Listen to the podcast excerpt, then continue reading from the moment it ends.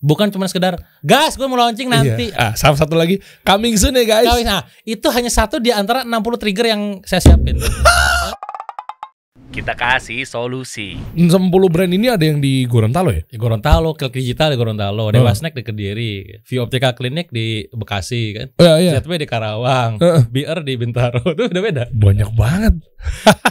iya kan? Nah itu gimana cara memanage ya? Online Ah. semua. Enggak, enggak ada yang offline. Jadi salah satu habit kita itu memang yang perlu kita lakukan terutama buat business owner adalah memang untuk mereview bisnisnya dalam keseluruhan keseluruhan dalam satu bulan. Hmm. Namanya adalah monthly business review. Ya. Nah, di monthly business review ini kita luangkan waktu dari jam 8 pagi mungkin jam 9 pagi sampai asar mungkin yang kita mereview semua performa. Operasional gimana? HR gimana, produksi gimana, Hmm. keuangan gimana, terakhir pasti marketing brand sellingnya gimana. Hmm. Nah, hasil meeting itu akan ditetapkan untuk kebijakan buat bulan depan. Oke. Bulan depan target kita sekian miliar ya, misalkan omsetnya gini, efisiensinya kudu segini, profitnya harus dapat sekian persen profitability-nya. Nah itu dikawal. Tiap hari orang lain itu report tiap hari si tim itu. Hmm. PIC-nya ini siapa? Sebelum kita dealing angka-angkanya itu, saya Mm-mm. tanya bisa ke tim. Oke, target kita sekian M misalkan. Kamu bertanggung jawab untuk B2B-nya. Hmm. Kamu bertanggung jawab untuk offline-nya. Oke. Misalkan kamu jualan di marketplace di mana segala macam. Oke, angka segitu, kamu yakin nggak? Yakin Kang, berapa persen saya tanya? Eh, 80 persen. Oke, apa yang buat kamu nggak yakin? Coaching nih, coaching kan? Iya, iya. Apa yang buat kamu nggak yakin? Saya Kang, tim ini belum ada ya tim konten. Seandainya konten itu ada minggu depan, kamu berapa persen keyakinannya? 90 Kang. Lalu 10 persennya apa yang kurang? Saya belum ada ini. Anggap ada. Gimana? 10 persen. Oke bener ya? Oke, tak, salaman. Ditagih sama saya nanti. Oh. Tugas saya berikutnya adalah awal-awal nge-coaching, nge-training, coaching, berikutnya adalah monitoring. Oke. Dan lagi kan, oh ini gimana? Ayo, ayo semangat, motivasi segala macam. Nah, Oh, itu yang dilakukan everyday tiap di grup gitu. Tapi kalau ketemuannya mah biasanya sebulan sekali doang. Biasanya ya, Oh. jadi MBR itu namanya. Nih, nih, nih, nih, komplit loh guys. Ini daging semua tuh. Berarti alurnya harus tahu ya. Iya, iya. Karena memang banyak orang juga nggak yang nggak coaching misalnya, taunya cuma monitoring atau nagi-nagi doang. betul. Mana nih, mana nih, mana. Ya. Lalu udah ngasih apa? Gue nggak tahu Betul, langkahnya ke mana. Iya. Iya kan? Kadang-kadang uh, karyawan itu nggak tahu memang dia nggak tahu. Iya. Misalkan gimana Kang? Kan kadang kita mah sebagai bos tuh kadang ya saya nggak mau tahu gitu kan. Dia gimana gitu kan. Nah minimal itu kita ngerem makanya ada ranah training dulu. Eh. Oke gini teman-teman. Kita bikin dulu. Ini caranya gini ya nanti marketingnya, funnelnya begini, ini begini gini. Oke paham. Kalau finance indikator kita ini ya jelasin tuh. Hmm. Udah di training kan transfer knowledge dan the skill kan. Nah udah di training nanti berikutnya monitoring apa namanya coaching kan, Hmm. terus juga mentoring dan segala macam. Itu yang kita pantau. Makanya tugas leader itu owner itu bukan jualan sebenarnya. Nah. Lah ini kan. Itu tuh. Bukan jualan. Lalu terus jualan siapa? Nah, yang jualan yang jualan adalah tim kita.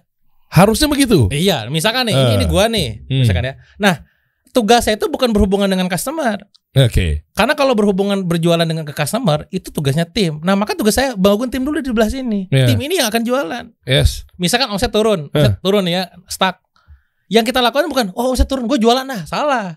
Nah. Harusnya apa? Tanya sih ini tim, tanyalah, push lah, training lah, mentoring apa segala, biar dia ngelakuin supaya jualan. Nah, Oke. Nah, ada filosofinya. Kenapa saya melakukan ini? Sebenarnya dulu sebelum sakit kayak gini, Mas. Oke. Dulu sebelum sakit polanya gue yang jualan. Oke. Makanya bisnis saya berbasis personal brand rata-rata dulu ya. Hmm. Billionaire Coach, Billionaire Store, ya, rata-rata yang gue. Hmm. Sekarang tuh banyak yang enggaknya malah. Hmm. Kenapa? Gini teman-teman. Waktu saya sakit dulu, ini ini sekali lagi filosofinya. Saya terbaring tuh, kan? Pas terbaring itu kan bisnis gak jalan. Mm-mm. Saya punya lima bisnis, lima brand gitu, masih lima gitu.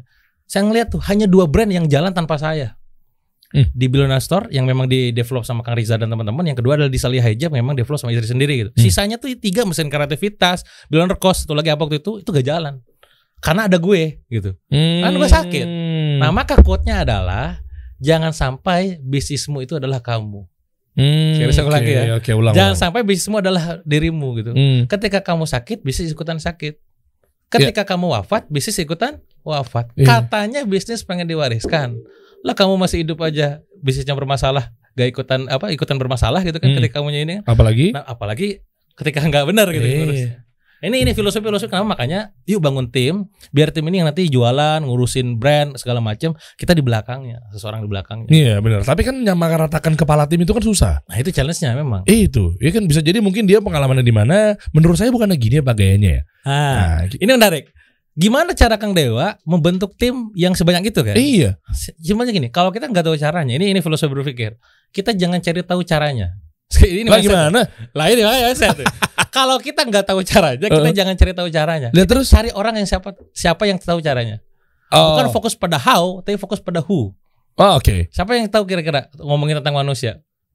Orang SR dong. Iya HR. Rekrut betul. orang SR. Eh, culture, HR iya, kan satu. gua rekrut orang SR, Bu, Mbak, Mbak, tolong ini beresin gue butuh orang ini, siap Kang ya, beresin. Gue Hmm. butuh culture-nya begini, siap beresin. Nah, maka gua rekrut orang SR, SR ini yang ngurusin semuanya. Jangan kita semua yang ngurusin. Jangan kita semua. Oke. Jangan kita intrusi ke bawah juga. Gak bagus malah tim gak bagus kan. Iya, iya, iya, iya. Gitu. Oh, oke, oke. Kalau untuk eh, mereka udah tahu nih ya, misalnya udah tahu harus jalan apa segala macam. Ah, Begitu mau ngegas, biasanya kan orang tergantung sama si kitanya, ah. ownernya. Hmm. Pak bantu, ya, misalnya owner. Lah iya, iya, iya, iya. Ya, Paham, paham. tahu ya. Misalnya kan Kang Dewa kan influencer. ah. Sama lah, mungkin gue juga ngonten di sosial media. Eh, Kalau sifat manja-manjanya tim nih giliran Iya. eh, kepepet terus minta boost dari akun kitanya gimana? Ah, itu perlunya kita framing dari awal, Mas. Jadi Ah, kalau pas kita meeting itu tugas kita, kita itu adalah kami itu, kami itu berarti owner kita itu ya, Hmm. adalah traffic bonus. Traffic meleverage aja gitu, bukan traffic utama, bukan traffic source gitu. Hmm. Jadi kalau misalkan omset turun misalkan, tugas kalian tuh adalah nanya ke saya, "Kang gimana caranya?" Nanti saya kasih tahu. Tapi bukan saya yang ngelakuin. Contohnya, Nah misalkan Kang ini gimana ya cara naikin engagement? Engagement saya turun nih segala macam. Ini gini saya ajarin. Jadi nanti storynya dibikin gini gini, gini, gini. Oke sok coba. Dia ngelakuin tuh. Gimana kemarin? Kang alhamdulillah kan naik nih. View pertama langsung 20 ribu. Mantap sok launching gini gini. Oke saya nggak ngelakuin tuh. Gak, gak, saya nggak naikin jualan dia tuh. Eh, oke. Makanya pas giliran nggak paham tuh ajarin bukan kita ngelakuin. Eh, Beda topik ketika topiknya sebagai influencer ya. Hmm. Kita dibayar brand orang ya. Iya. Kita kan akarnya kita sebagai influencer kan? Iya. Gue yang ngelakuin gitu. Hmm. Nah, kalaupun misalkan katakanlah, eh, gua le- eh, tim gua posting nih di akun tertentu nih. Wah, dia lagi campaign ini, ada bikin giveaway atau apa. Ya udahlah, gua naikin. Nah, ini bonus dari gue. Hmm, oke. Tapi lu jangan berharap gak ada gue. Pedenya lu tuh bukan percaya diri, percaya dewa. Sama percaya diri. percaya diri. ah, parah lu gitu kan. Menuhankan diri dan dewa, bahaya gitu. ya. Bahaya. Ini catatan juga buat teman-teman tim, terutama tim internal gue juga ya Iya. Kang ya. Maksudnya jangan begiliran ada campaign langsung tiba-tiba kayak Betul. Pak postingin dong, Pak ini dong. Begitupun ke teman-teman juga gitu ya. Maksudnya ini kita sama-sama lah Iya. ngebangun gitu. Jadi tumbuh Iya, bareng-bareng. Makanya saya, saya ada modul tuh namanya extreme funneling. ya. Di extreme Hmm. funneling itu salah satu modulnya itu adalah bagaimana ada yang namanya leverage. Leverage itu adalah di bagian traffic tambahan selain traffic utama. Hmm. Maka ketika kita endorse, ketika kita punya BA, ketika kita jadi influencer di bisnis kita sendiri, itu bukan traffic source tapi traffic tambahan di leverage. Saya letakkan itu bukan di traffic utama gitu. Oke, Karena iya. kalau di traffic utama pasti ketergantungan sama kita. Eh, Tiap bulan tuh bakal Kang postingin dong, Kang promotin dong. Eh, ini kok nyali gue yang posting gitu kan. Heeh. Nah, makanya balik lagi, lo gimana nih saya ajarin lagi. Kalau kita gak bisa ngajarin gimana Kang? Jelas kan? Nah itu. Ya ajarin sama orang yang bisa ngajarin. Eh. Kirim ke training, workshop, suruh baca buku apa segala macam. Oh Iya iya. Jadi misalnya ada workshop-worshop memang khusus ngebangun tim. Oh, ya, Kirimin di kirim situ. aja, pinterin. Walaupun nanti ada isu lagi tuh. Apa tuh? Kang, gue udah ikutan workshop jago, tim gue resign. Ah, Oh iya. iya dong. Nanti ada isu kayak gitu. Di sana bisa dua tuh faktornya. Memang dia udah tahu knowledge-nya. Iya kan? Dia bisa pindah ke sini dengan lolos interview dengan Iya. wah, gue punya strategi begini atau memang dia bikin bisnis itu sendiri. Iya betul. Makanya tugas kita tuh, makanya leader tuh perlu ada leadership sih. Leadership tuh bagaimana kita tuh ngomong didengar gitu.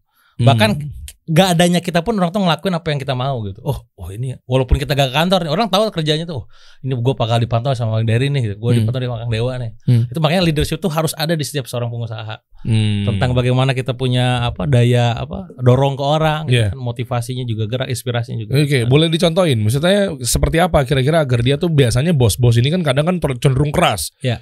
Dalam artian mungkin nggak pernah bercanda, selalu, wah, nyapa juga apa adanya. Iya. Biar mungkin dirasa-rasa dengan niatnya dia, gua ada gap sama dia sehingga Betul. dia hormat sama gue. Nah. Enggak gitu kan? Betul. Makanya gini, eh, dalam konsep kita bonding sama orang gitu kan, Mhm. yang sederhana tuh yang kena biasanya. Yang quote-nya tuh, yang sederhana yang kena. Hmm. Yang gak penting itu penting, Mas. Misalkan saya, saya ngomong, saya nepuk pundaknya Mas Dery. Mas, Mas kalau nggak ada hantu ini bisa gak jalan. Itu bagi dia, wow, gitu kan. Hmm, Oke. Hanya sederhana gitu. Bukan yang kita bikin bapak sesuatu apa enggak. Yang dipuji lah, diapresiasi, dikasih panggung. Saya ngasih panggung ke teman-teman, sok mau nulis. Kalau gue berdasarkan sebagai seorang penulis nih ngelihat karya tim gue, ah gitu. level misalkan 1 sampai 10, level saya misalkan 9 gitu ya, dia tuh paling di angka 7. Hmm. Seandainya topi saya menggunakan terapi penulis, mungkin nggak akan lolos tuh penulis di Billionaire Star. Iya. Tapi karena saya pakai topinya usaha, oke kasih panggung. Hmm. Karena ini bisnis bukan cuma tentang dewa, ini tentang bagaimana jadi wasilah kebaikan buat banyak orang, termasuk menciptakan penulis. Dia tujuh kasih tahu, nih kemarin lu kurangnya di sini. Diajarin, bukan Iya. dimarahin. betul. Diajarin, bukan dimarahin. Catat. Diajarin dikasih tahu kesalahannya di mana. Iya. Ya kan atau kalau perlu tekniknya, ilmiahnya Betul. seperti apa, dipelajarin, dicatat gitu-gitu ya. Terus dia juga kasih kejutan-kejutan yang mungkin mungkin tidak ada dalam plan pengus- eh, usahanya, tapi kita punya plan di, di kita pribadi. Contoh gini, Saya biasanya tuh bikin yang namanya celebrate the win. Celebrate the win tuh ketika omset tercapai, pencapaian tercapai, yuk kita ngapain kayak gitu ya. Hmm. Nah salah satunya itu pernah waktu zaman dulu waktu pas perjuangan lunasin utang. Nah, ini udah mulai kelatih nih leadershipnya. Hmm. Saya undang teman-teman tim saya tuh meeting makan malam gitu kan eh, di sebuah tempat. Saya puji mereka semua tuh saya hadir. Saya- terima kasih banyak kalian udah hadir di eh, malam ini gitu kan. Karena saya tahu kalian ini capek gitu kan. Dan kalian menyempatkan hadir di sini. Saya bilang kayak gitu. Saya bilang gini, oke teman-teman di luar sana mungkin ngiranya Dewa itu luar biasa ya. Tapi sejatinya Dewa Kaprega itu bukan siapa-siapa kalau tanpa kalian. Nah mulai. Oh. Saya turunin ego, puji naik mereka. Mungkin kalian sekarang kesal sama saya kalau tiap kali ke kantor omset berapa, sales berapa, closing berapa. Seakan-akan uang adalah segalanya. Saya keluarin duit di dompet. Terus saya bu mas, sobek-sobek gue. Bagi saya uang gak penting, kalian lebih penting. Oh. Kata admin, ih saya gitu. Ada yang mengutin dari bawah ya. Saya sebut namanya saya satu kamu, kamu jangan kira orang packing itu gak penting. Seandainya orang tuh gini, kamu seandainya gini, wah dipuji tuh. Si semua itu kita penting. Nah, itu loh. Hmm. Itu kan perlu, ah, itu leader tuh kadang perlu gitunya gitu. Oke. Ada momen yang memang gak cuma sekedar marah-marahin doang, Iya, iya. ngangkat, Iya, drama dramatik itu dimainin. gitu. Mantap, mantap, mantap guys, Kang Dewa nih. Kita bahas mengenai coba eh, reseller kali ya. Reseller. Ya, ini kan juga masih ada kaitannya sama eh, penjualan Betul. segala macam gitu kan. Ngebentuk pasukan-pasukan reseller kan Dewa banyak banget. Berapa Iya, total? iya. Total kalau semua brand 60 ribu lebih ya kalau semua brand. 60 ribu. Iya, tapi kan ada beberapa brand yang memang Oke. sedikit gitu. Eh, betul betul. Ada enggak. Ah, Oke, boleh tahu nggak gimana cara operationnya, Man, eh, apa ya, eh, memperkerjakan atau bukan apa ya, sistemnya si reseller ini agar dia tetap bekerja. Oke. Gimana sih cara operationnya? Ketika kita sekarang memutuskan bisnis menggunakan sistem reseller, kita harus tahu konsekuensinya. Hmm. Dan yang namanya konsekuensi itu sesuatu yang pasti lah. Hmm. Gampangnya kayak gini, kita jualan, konsekuensi jualan ngapain? Bakal apa? Ditolak. Iya. Konsekuensi ngiklan, Bisa boncos. boncos. Konsekuensi olahraga, Iya, capek. capek. Iya. Konsekuensi berenang, basah gitu kan. Eh, Nah, konsekuensi kita pada saat bangun pasukan reseller itu harus tahu tuh. Apa konsekuensinya Kang? Satu yang pasti adalah kita pasti ketemu yang namanya dengan drama. Ha, aku baru Drama di bawah. aku baru melakukan Lah, ya, dan makanya. merasakannya Nah, kemarin. Ketika misalkan Kang gimana supaya gak ada drama? Gak mungkin gak ada drama. Tinggal tugas kita adalah meminimalisir drama. Hmm. Nah, maka yang apa yang dilakukan satu kita harus bikin yang namanya rules. Oke. Rules itu apa tentang aturan-aturan di perusahaan kita apa aja yang boleh gak boleh gitu kan. Hmm. Kedua kode etik tata dia berpromosi apa done-nya gitu kan done-nya silakan dicantumkan. Ketiga tentang misalkan marketing plan di perusahaan. Hmm. Keempat reward and punishment. Nah, yang kayak gini-gini tuh kudu disampaikan. Konsep, konsepnya gini. Kalau kita nggak buat frame terhadap itu semua, orang lain nanti bakal yang bikin frame sendiri. Oh. Makanya ya oke. bikinlah aturannya dulu, Hmm. disampaikan ke mereka, bikin kurikulum. Hmm. Ini kenapa ya tim saya gak jago jualannya? Ya kan dia tuh daftar ke reseller ke kamu tuh supaya jago. Makanya ajarin gitu loh. Iya, Ya iya. kan? Eh, diajarin kurikulumnya nih cara jualan closingnya gini, cara bikin copywriting begini, cara live begini gitu, gitu loh. Hmm. Itu kita bikin kurikulum berarti, bikin to-do listnya, bikin monitoringnya, ayo bikin kayak gitu-gitunya tuh. Oh, saya oke. bahkan punya ya karena tadi ya saya beberapa usaha yang memang pakai pasukan Hmm. yang akhirnya tuh kalau udah bicara soal uh, cara bangun reseller ada udah ada patternnya masing-masing gitu. Oh ini kalau bikin kompet uh, supaya orang ber- berkompetensi ngapain ngapain. Eh, eh, Nah, boleh, boleh. ya. Apa tuh Bikin dalam bangun program-? Misalkan ada program ya. Eh. Program tahunnya kita bikin award, Hmm. bikin gathering, bikin trip and tour, bikin umroh bareng, anniversary, bootcamp tahunan. Hmm. Bulanannya bikin kopdar, visit distributornya, bikin kompetisi, bikin hadiah, kasih hadiah, ka- makan-makan bareng, nobar bareng, training bulan, jalan-jalan, ngepromot mereka. Oh, itu oke. ada plannya, ada ada agendanya loh. Oh, itu itu itu buat yang kita lakukan kepada reseller kita. Reseller, Bukan kita nggak ngomongin end user ya. bukan end user, karena Ah. itu yang dilakukan sama reseller ke end user. Oh. Beda dong. Tugas kita kan ngayomi mereka nih. Iya. Kan? Hariannya ngapain? Bikin edukasi, bikin quote penyemangat, sapa harian, Thanksgiving, ngenagih brutal, monitoring sales, eh, seller insight misalkan. Itu dibikin program-programnya. Bahkan sampai gimana supaya mereka berkompetitif misalkan ya, kompetisi gitu kan. Hmm. Bikin kontes, kasih hadiah mengejutkan, menggiurkan. Ah, ini saya punya gini semua. Oh, lengkap kan? Coba, Contekan. coba lihat deh. Boleh lihat nggak, Kang? Contekan. Coba lihat. Oh iya itu. Eh, oh, Nah, maksudnya yang kini tuh dibikin gitu. eh, Nah orang banyak yang pada saat bikin sistem reseller gininya nggak dipahami. Ya dia pas jalan, Kang ini gimana ya reseller saya minta tambahan diskon, Kang ini rusuh di bawah harganya banting-bantingkan. Hmm.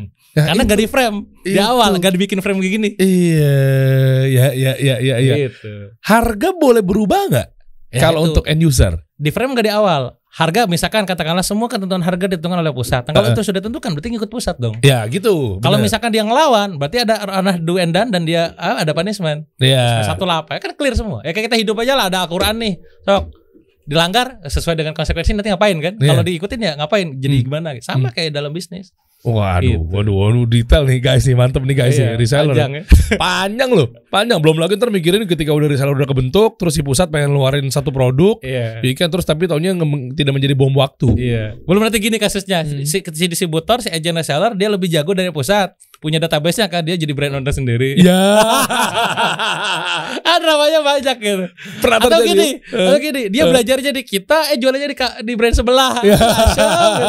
Nah itu tuh pasti drama akan terjadi. Iya. Makanya minimalisirnya itu yang kita siapin. Produknya mirip-mirip lagi biasanya. Mirip-mirip lagi. Iya kan dia pindah ke produk sebelah, taunya jualannya sama, udah ilmunya aduh panjang banget. Gimana cara gimana ya mengatasi mengatasi hal tersebut ketika reseller sudah cabut, Hah? ya kan kita mau melakukan satu campaign, Hah? kita udah nggak punya apa ya kaki tangan lagi. Iya. Nah sehingga oke lah anggaplah misalnya kita udah nggak pakai reseller lagi atau mau pakai, Iya. kan ujung-ujungnya kan produk ini kan harus launching, Betul. ya kan? Iya. Gimana cara bikin produk ini launching ini boom? Ya, nah launching itu sendiri teman-teman harus disadari dulu nih. Kita tuh launchingnya nanti pakai bisnis model yang kayak gimana? Kayak tadi Eh. tuh apakah pakai pasukan Mm-mm. atau end user? Ini beda loh nanti. Nah itu makanya Nah, Eh, kita makanya- mau bahas dari mana dulu nih? Ya bebas, mau yang mana? Eh, biasanya kan kepakai end user dulu deh. End user. Nah, Iya. kalau end user berarti kan semua kebijakan itu tergantung di pusat.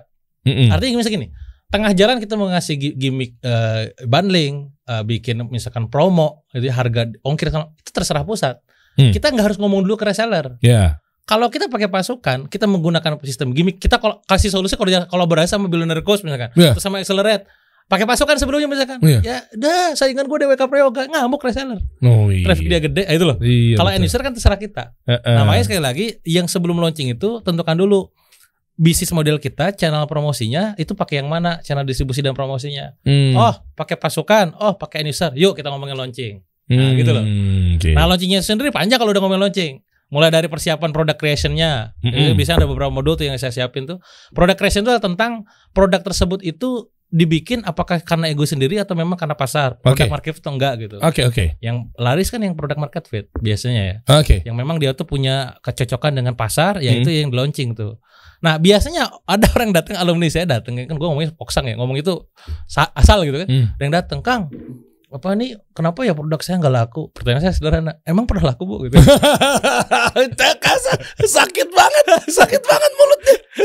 Dia bilang, iya Kang Mas itu kemarin nggak meledak gitu kan. Mana produknya? Saya terima kan. Ih apaan produk kayak gini? Saya bilang. Ya Allah. Ih, Ibu, ah, kamu gitu banget. Iya bu, saya bilang. Gini bu ya, eh, saya as a mentor saya bilang. Saya ngomong apa yang harus saya katakan. Hmm. Daripada saya ngomong, ibu bagus banget. Tapi akhirnya nanti buat kamu tugas tumbuh. Iya. Ini saya harus mengatakan. Tugas mentor tiga tuh.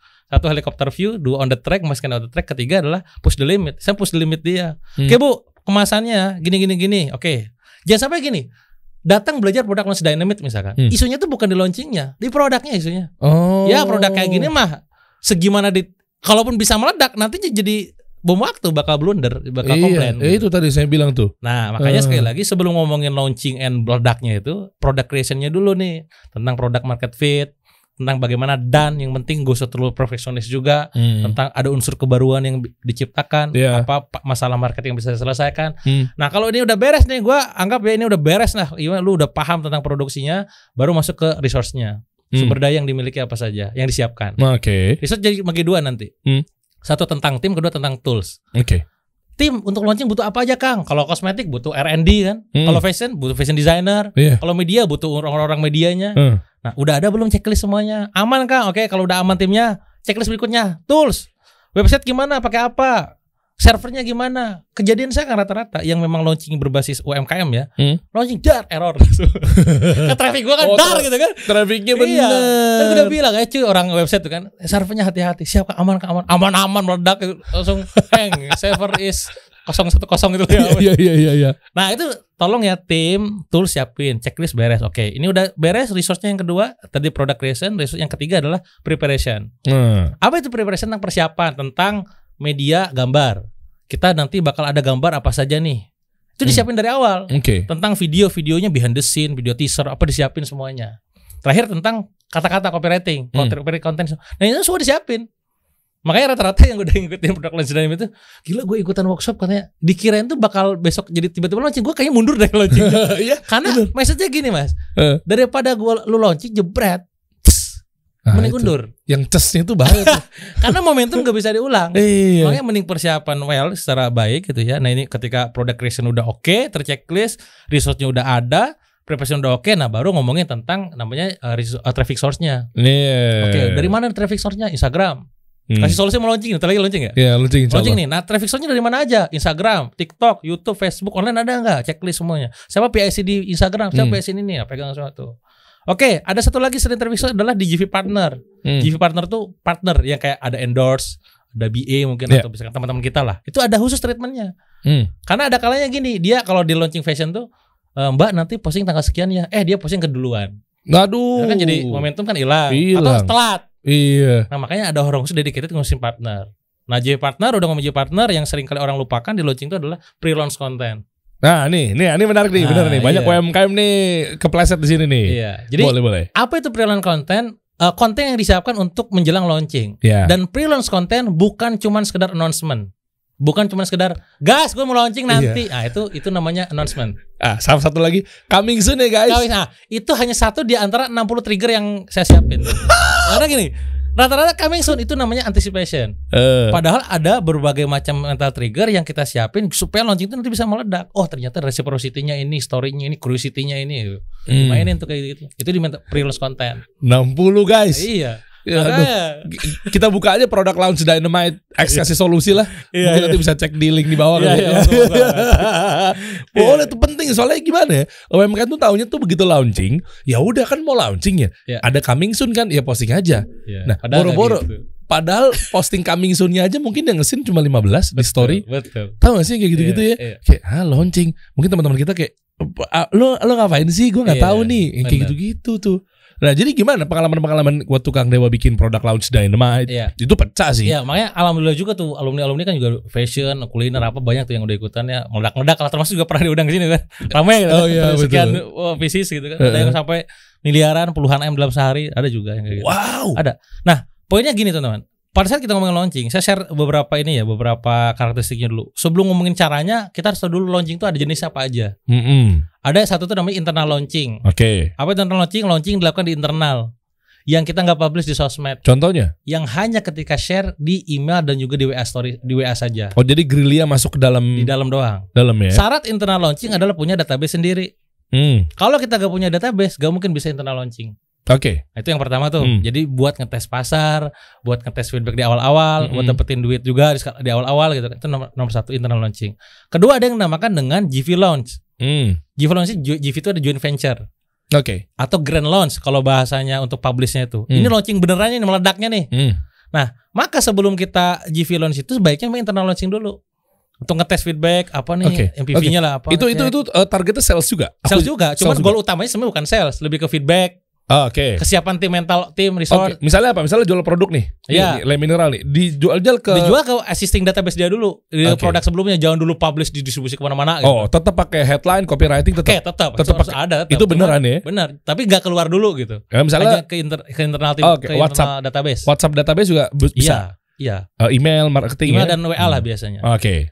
Nah, kalau ini udah beres, baru GV launch, launching yang kita publish keluar di Hmm. sosmed, di posting, di email, di apa di YouTube, di Instagram, di mana pun, di posting. Nah, ini yang bakal meledak nih. Hmm. Nah, tapi biasanya orang kira ini udah beres. Padahal Hmm. ada launching yang ketiga namanya Apa tuh? relaunch, Wah. launching ulang, Oke. produk yang pernah rame atau produk yang sempat habis. Oh, bukan jadinya malah kayak ya ini lu, gagal launching kemarin enggak gitu ya? Nah, itu persepsi apa pertanyaannya? Follower kita tiap hari nambah 500. Tes tes tes tes dalam sebulan nambah dikali 30. Hmm. Terus kita memutuskan untuk tidak relaunch hanya gara-gara satu orang argumen Allah. tadi. Padahal cold Mindset. market, cold market dan war Cold market. market funneling kan. Iya. Ya, makanya oh iya juga ya. Nah, di situlah makanya sekali lagi penting buat kita paham owner jangan sampai di distract sama pemikiran reseller gitu kan. Hmm. Terus juga kita harus tahu mindset mindsetnya. Nah tadi ya reseller yang terakhir adalah setelah reseller adalah tentang eh, evergreen launch. Oh, setelah relaunch Ya setelah re- evergreen launch adalah launching yang kita tuh dibuka terus-terusan gak ditutup-tutup dengan produk yang sama. dengan produk yang star. Oh, contohnya, contohnya coba kita simulasiin deh Ah. dari relaunch ke Relo- misal pertama adalah kita mau launching produk nih, launching Hmm, produk. produk. Oke. Launching pertama adalah ke internal launching. Ya. Berarti gue lempar ke database email sama WA. Oke, ini kita rekap eh, kita rekap ya guys ya biar Ah. teman-teman nih UMKM biar sambil nyatet nih. Oke, terus Dilakukan misalkan hanya dalam waktu lima hari 3 sampai lima hari. Oke. Dapat tuh. Break bentar misalkan break tiga hari atau lima hari lagi misalkan beres kemarin feedbacknya terlalu ini terlalu ini oke masukannya apa saat oke yuk kita GV launch Hmm. launching launching jebret kedua tuh GV launch Hmm. berarti launching di Instagram di Facebook di Iya. YouTube di semua semua wah di situlah dapat sales banyak Hmm.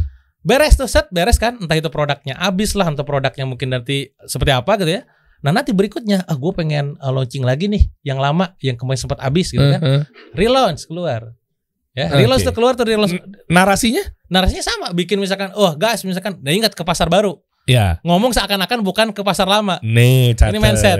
Saya sengaja gue gali-gali guys, biar teman-teman mindsetnya kebuka nih. Iya. Iya. Nah, di- di relaunch itu ngomong ke pasar baru gitu kan bahwa kita produk yang paling best seller nih gini-gini kan. Hmm, Yang lama juga bisa kita interaksi kan kalau di Instagram. Iya, aku juga main suka nih. Ah, itu kan ngasih testimonial, Iya. testimoni. Relaunch. Nah, udah beres. Kalau misalkan ada hasil relaunch atau GV launch itu produknya star, ini gila gak dipromoin terus naik. Jangan dimatiin. Nah, ini penyakit UMKM. Saya ketemu sama pengusaha hijab, ada baju hijabnya itu si, eh, si gamisnya tuh gara-gara apa? Apa namanya itu best seller malah gak diproduksi terus. Kenapa? Ya karena tadi Alasannya? bosen. Oh. Nah, idealisme fashion ini, designer kan? Iya. Loh pasar kan suka. Iya. Kamu kan, ya tapi kan saya nggak suka. Ya kan kamu egosentris atau market sentris? iya Kang, iya iya iya. Akhirnya apa? Nah, ketika kamu sudah ketemu produk yang star ya di Boston Matrix itu kan ada yang star, Hmm. selain tanda tanya kam- apa dog gitu Iya. semuanya. Nah, si star ini jadiin evergreen launch, buka terus. Hmm. Nah, itu jadi produk penetrasi, ngebuka brand gitu. Oh, deh tuh, tinggal tunggu ngalir-ngalir apa segala Iya. macam. Nanti misalnya ada produk baru lagi buat sistem yang sama ya. Dengan yang sama. Mundur lagi gitu. Betul. Begini. Nah, dan setahun kan cuma 12. Maksudnya setahun kan cuma 12 bulan tuh. Heeh. Eh, saya kan ada saya ada fashion, fashion tiap hampir tiap dua hari saya launching fashion. Oke. Ada yang produk buku mungkin sebulan sekali. Hmm. Jadi produk yang lain kan ada yang ada yang tiga bulan, ada yang sebulan, ada yang dua hari. Oke. Pertanyaan muncul gini mas, Heeh. bagaimana kalau perusahaan saya fashion, misalkan, yang itu tiap bulan tuh misalkan 8 kali launching. Ah, Nah, iya. gimana pre-launch kontennya gitu? Iya bener. itu gimana? Ya udah makanya tinggal eh, pre-launch konten itu bukan soal jumlah, tapi tentang soal bonding, engagement sama audiens. Oh, jadi nggak tabrakan timeline nih? Enggak, enggak tabrakan. Misalkan postingan pertama kita bikin teaser, Mm-mm. gitu ya. Postingan kedua bikin giveaway atau apalah ya. Ketiga misalkan bikin live apa gitu, yang berikutnya launching. Dibikin kayak gitu terus. Oh, berputar gitu. Bahkan Pola- naikin omset itu bisa gitu, Mas. Misalkan omset gue sebulan berapa gitu ya. Ini gimana ya omset naik? Gak usah kan orang biasanya promo gitu, diskon gitu. Launching aja. Bikin, berarti kalau dalam sebulan ada 30 hari, Senin sama Kamis omset misalkan 500 juta gitu ya Hmm, sebulan. hmm, hmm. Wah, gua launching ah di hari Rabu. Kalau Senin Kamis GV launch, gua Rabu internal lah. Nah. Naik, ah cek oh naik 800 juta misalkan. Eh. Senin Rabu Jumat naik 800 juta. Oh tambahnya hari hari Kamis untuk launching misalkan relaunch. Oh naik dela- 900 juta. Itu biasanya dengan gitu doang omset naik loh. Oh iya. Permainan launching-launchingnya doang gitu. Wow. Makanya harus polanya harus tahu dulu ketemu polanya bisa dipolain gitu. Rekor saya jualan rumah Eh. sehari 195 unit miliaran. Oh, iya. Rumah-rumah harga berapa? Eh gak usah ditanya. Jelas. Terus bahkan sekelas jualan snack aja kita siapin launchingnya. Snack doang. Iya dong. Bocorin dong, bocorin dong, Ya. bocorin. jualan snack yang mungkin harganya cuma 15 ribu launching itu kan sampai bikin video khusus mewek-mewek cedar bang tapi kan seminggu sekian M gitu Dan saya kejebak juga salah satunya. ya itu gue nontonin. itu salah satu pre-launch nya Oh, ini gue tonton. Ini, ini gue bongkar sini. Iya, kan. iya. Gue nonton kan sama tim gitu kan. Weh, terus tiba-tiba ngeliat gitu kan gue nonton sendiri. Niatnya mau, wah ini sedih banget nih gue mau bawa pulang ke rumah nih ke Iya, istri ya kan. Nonton pecah telur. Iya. Wah, uh, drama banget. Wah, ini bininya begini, lu sedih banget. tuh. Ujung-ujung asem. Snack pecah. Kena gue. kena deh Eh, Wah ngeri emang Kang Dewa punya strategi produk launch dynamite itu ya maksudnya, Oh itu itu mesti Iya. jalur nggak bisa ya kita tiba-tiba keluar dengan tanpa gimmick Ya, atau sekelas brand besar aja pasti persiapannya panjang dan biasanya nggak terlihat kan. Tahu gitu antrian banyak ya. Itu gimana persiapannya? Nah, pola itu makanya sekali lagi di di produk DM itu saya bukan berteori tapi ber- model model itu bener gini. Model itu hasil praktek yang diteorikan. hmm. Kalau teori kan biasanya hasil riset gitu Iya, kan, riset, iya. dibuitin teorinya tuh. Eh, Kalau ini mah gue praktek nih dari gue mulai jualan fashion, jualan kosmetik, jualan seks, jualan properti, jadi jual produk, ah segala macam. hmm. Ada yang sama polanya. Yuk Hmm. saya modelkan, makanya ke pola alhamdulillah gitu. Oh masya Allah. Launching. Buka lagi nggak Kang kira-kira untuk kayak misalnya produk launch dynamite kita mau workshop ya. Iya, iya. Mau itu online. Sekarang fokusnya di online apa offline? Offline. Kalau PAD karena ada simulasi bo- board game. Jadi itu Oh, board iya. game itu untuk nge-wrap up uh, semua materi Hmm. di akhir. Makanya saya nggak ada online-nya. Oke terdekat yang mana? Terdekat PLD. Biasanya sih Wah langsung cek jadwal Iya, jadwal. Nggak maksudnya buat teman-teman kalau mau ikutan lebih lanjut karena ini penting banget buat para UMKM ya. Iya, Dia iya. bisa ngirim timnya juga atau mungkin ownernya juga bisa ya. baiknya sih ownernya. Ownernya ya, Ownernya. untuk yang ini ya, Iya. ownernya. Nanti kan terkait dalam hal ini, kalau memang masih buka terdekat, nanti teman-teman bisa cek nih, klik Iya, link iya. di deskripsi gitu loh. Tanggal 6 sampai 7 Agustus. 6 sampai 7 Agustus. Iya. Di mana? Lah, Bandung. Bandung ya. Trans pasti kan? Iya. Andalan nih Kang dia ngomong trans mulu nih. Lama-lama apa jangan ada CT ada SAM itu. ada sama. Ada SAM juga nih kayaknya. Eh 6 sampai 7. Agustus ya. Itu udah ada dibuka pendaftarannya? Udah udah dari sekarang udah buka. Udah dibuka ya, Nah, teman-teman ya? biasa Selalu full seat sih biasanya. Wah, Songong. ngeri banget ya. 120 peserta biasanya. 120 Eh, peserta. Jangan gitu omset. 120 kali kali delapan langsung. Saya akan ngeluarin seperti biasa kalkulator sakti saya. Ini buat memotivasi. Kalau teman-teman audiens saya tuh tahu lah pasti ya. Iya. Ini ada kalkulator sakti yang Kalkulator selalu saya sakti, ya. hitung. Eh, berapa Kang? Coba 7,7 juta 7,7 juta dikali 120 Kacau nih emang harga workshopnya. sebulan tiga workshop gitu. Enggak gitu lagi kacau.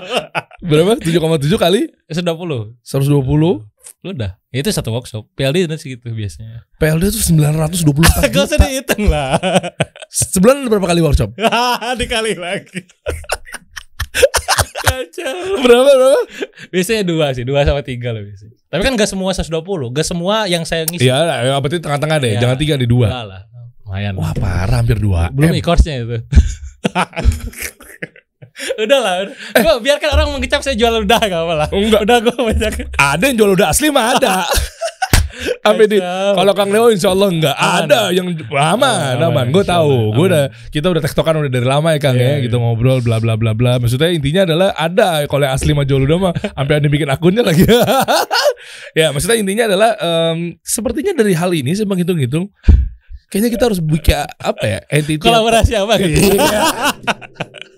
Itu yang gue tuju. Iya, Ini iya. kasih solusi bareng sama Billionaire Store. iya, Nanti bisa, kita kita insya bisa coba ya. Tapi buat teman-teman ini 6 sampai 7 Agustus. Iya. Kalau pengen eh, dapetin tiketnya atau daftar ya Iya. di workshopnya mungkin bisa cek di deskripsi Cek di bawah ini ya. Iya. Teman-teman ya cek aja link di bawah ini nanti tinggal langsung daftar deh. Mantap terdekat berarti itu. Iya. Extreme Funneling belum? Sebelumnya. Sebelum itu terima link. Sebelumnya tanggal 30 berapa ya? Insya Allah lah pulang hajian. 30, 31. 2 miliar lagi. Anda keluar dari sini kita ngobrol langsung meeting dulu. Parah. Parah banget. Belum ada makasih solusi entar kita bareng ya. Siap, 2 miliar itu dua tuh. Se- Iya. Sebelumnya. Kalau saya kan ngisi cuma tiga, extreme leadership, eh, es- product management, extreme funneling. Tiga. Semua marketnya owner semua rata-rata. Market owner tiga nih ya. Ya, yang Dua. lainnya mah rata-rata tim sih. Oh, 2 M, 2 M, 2 6 Waduh, masya Allah. Boleh Amin. lah. Boleh. Kita kasih solusi.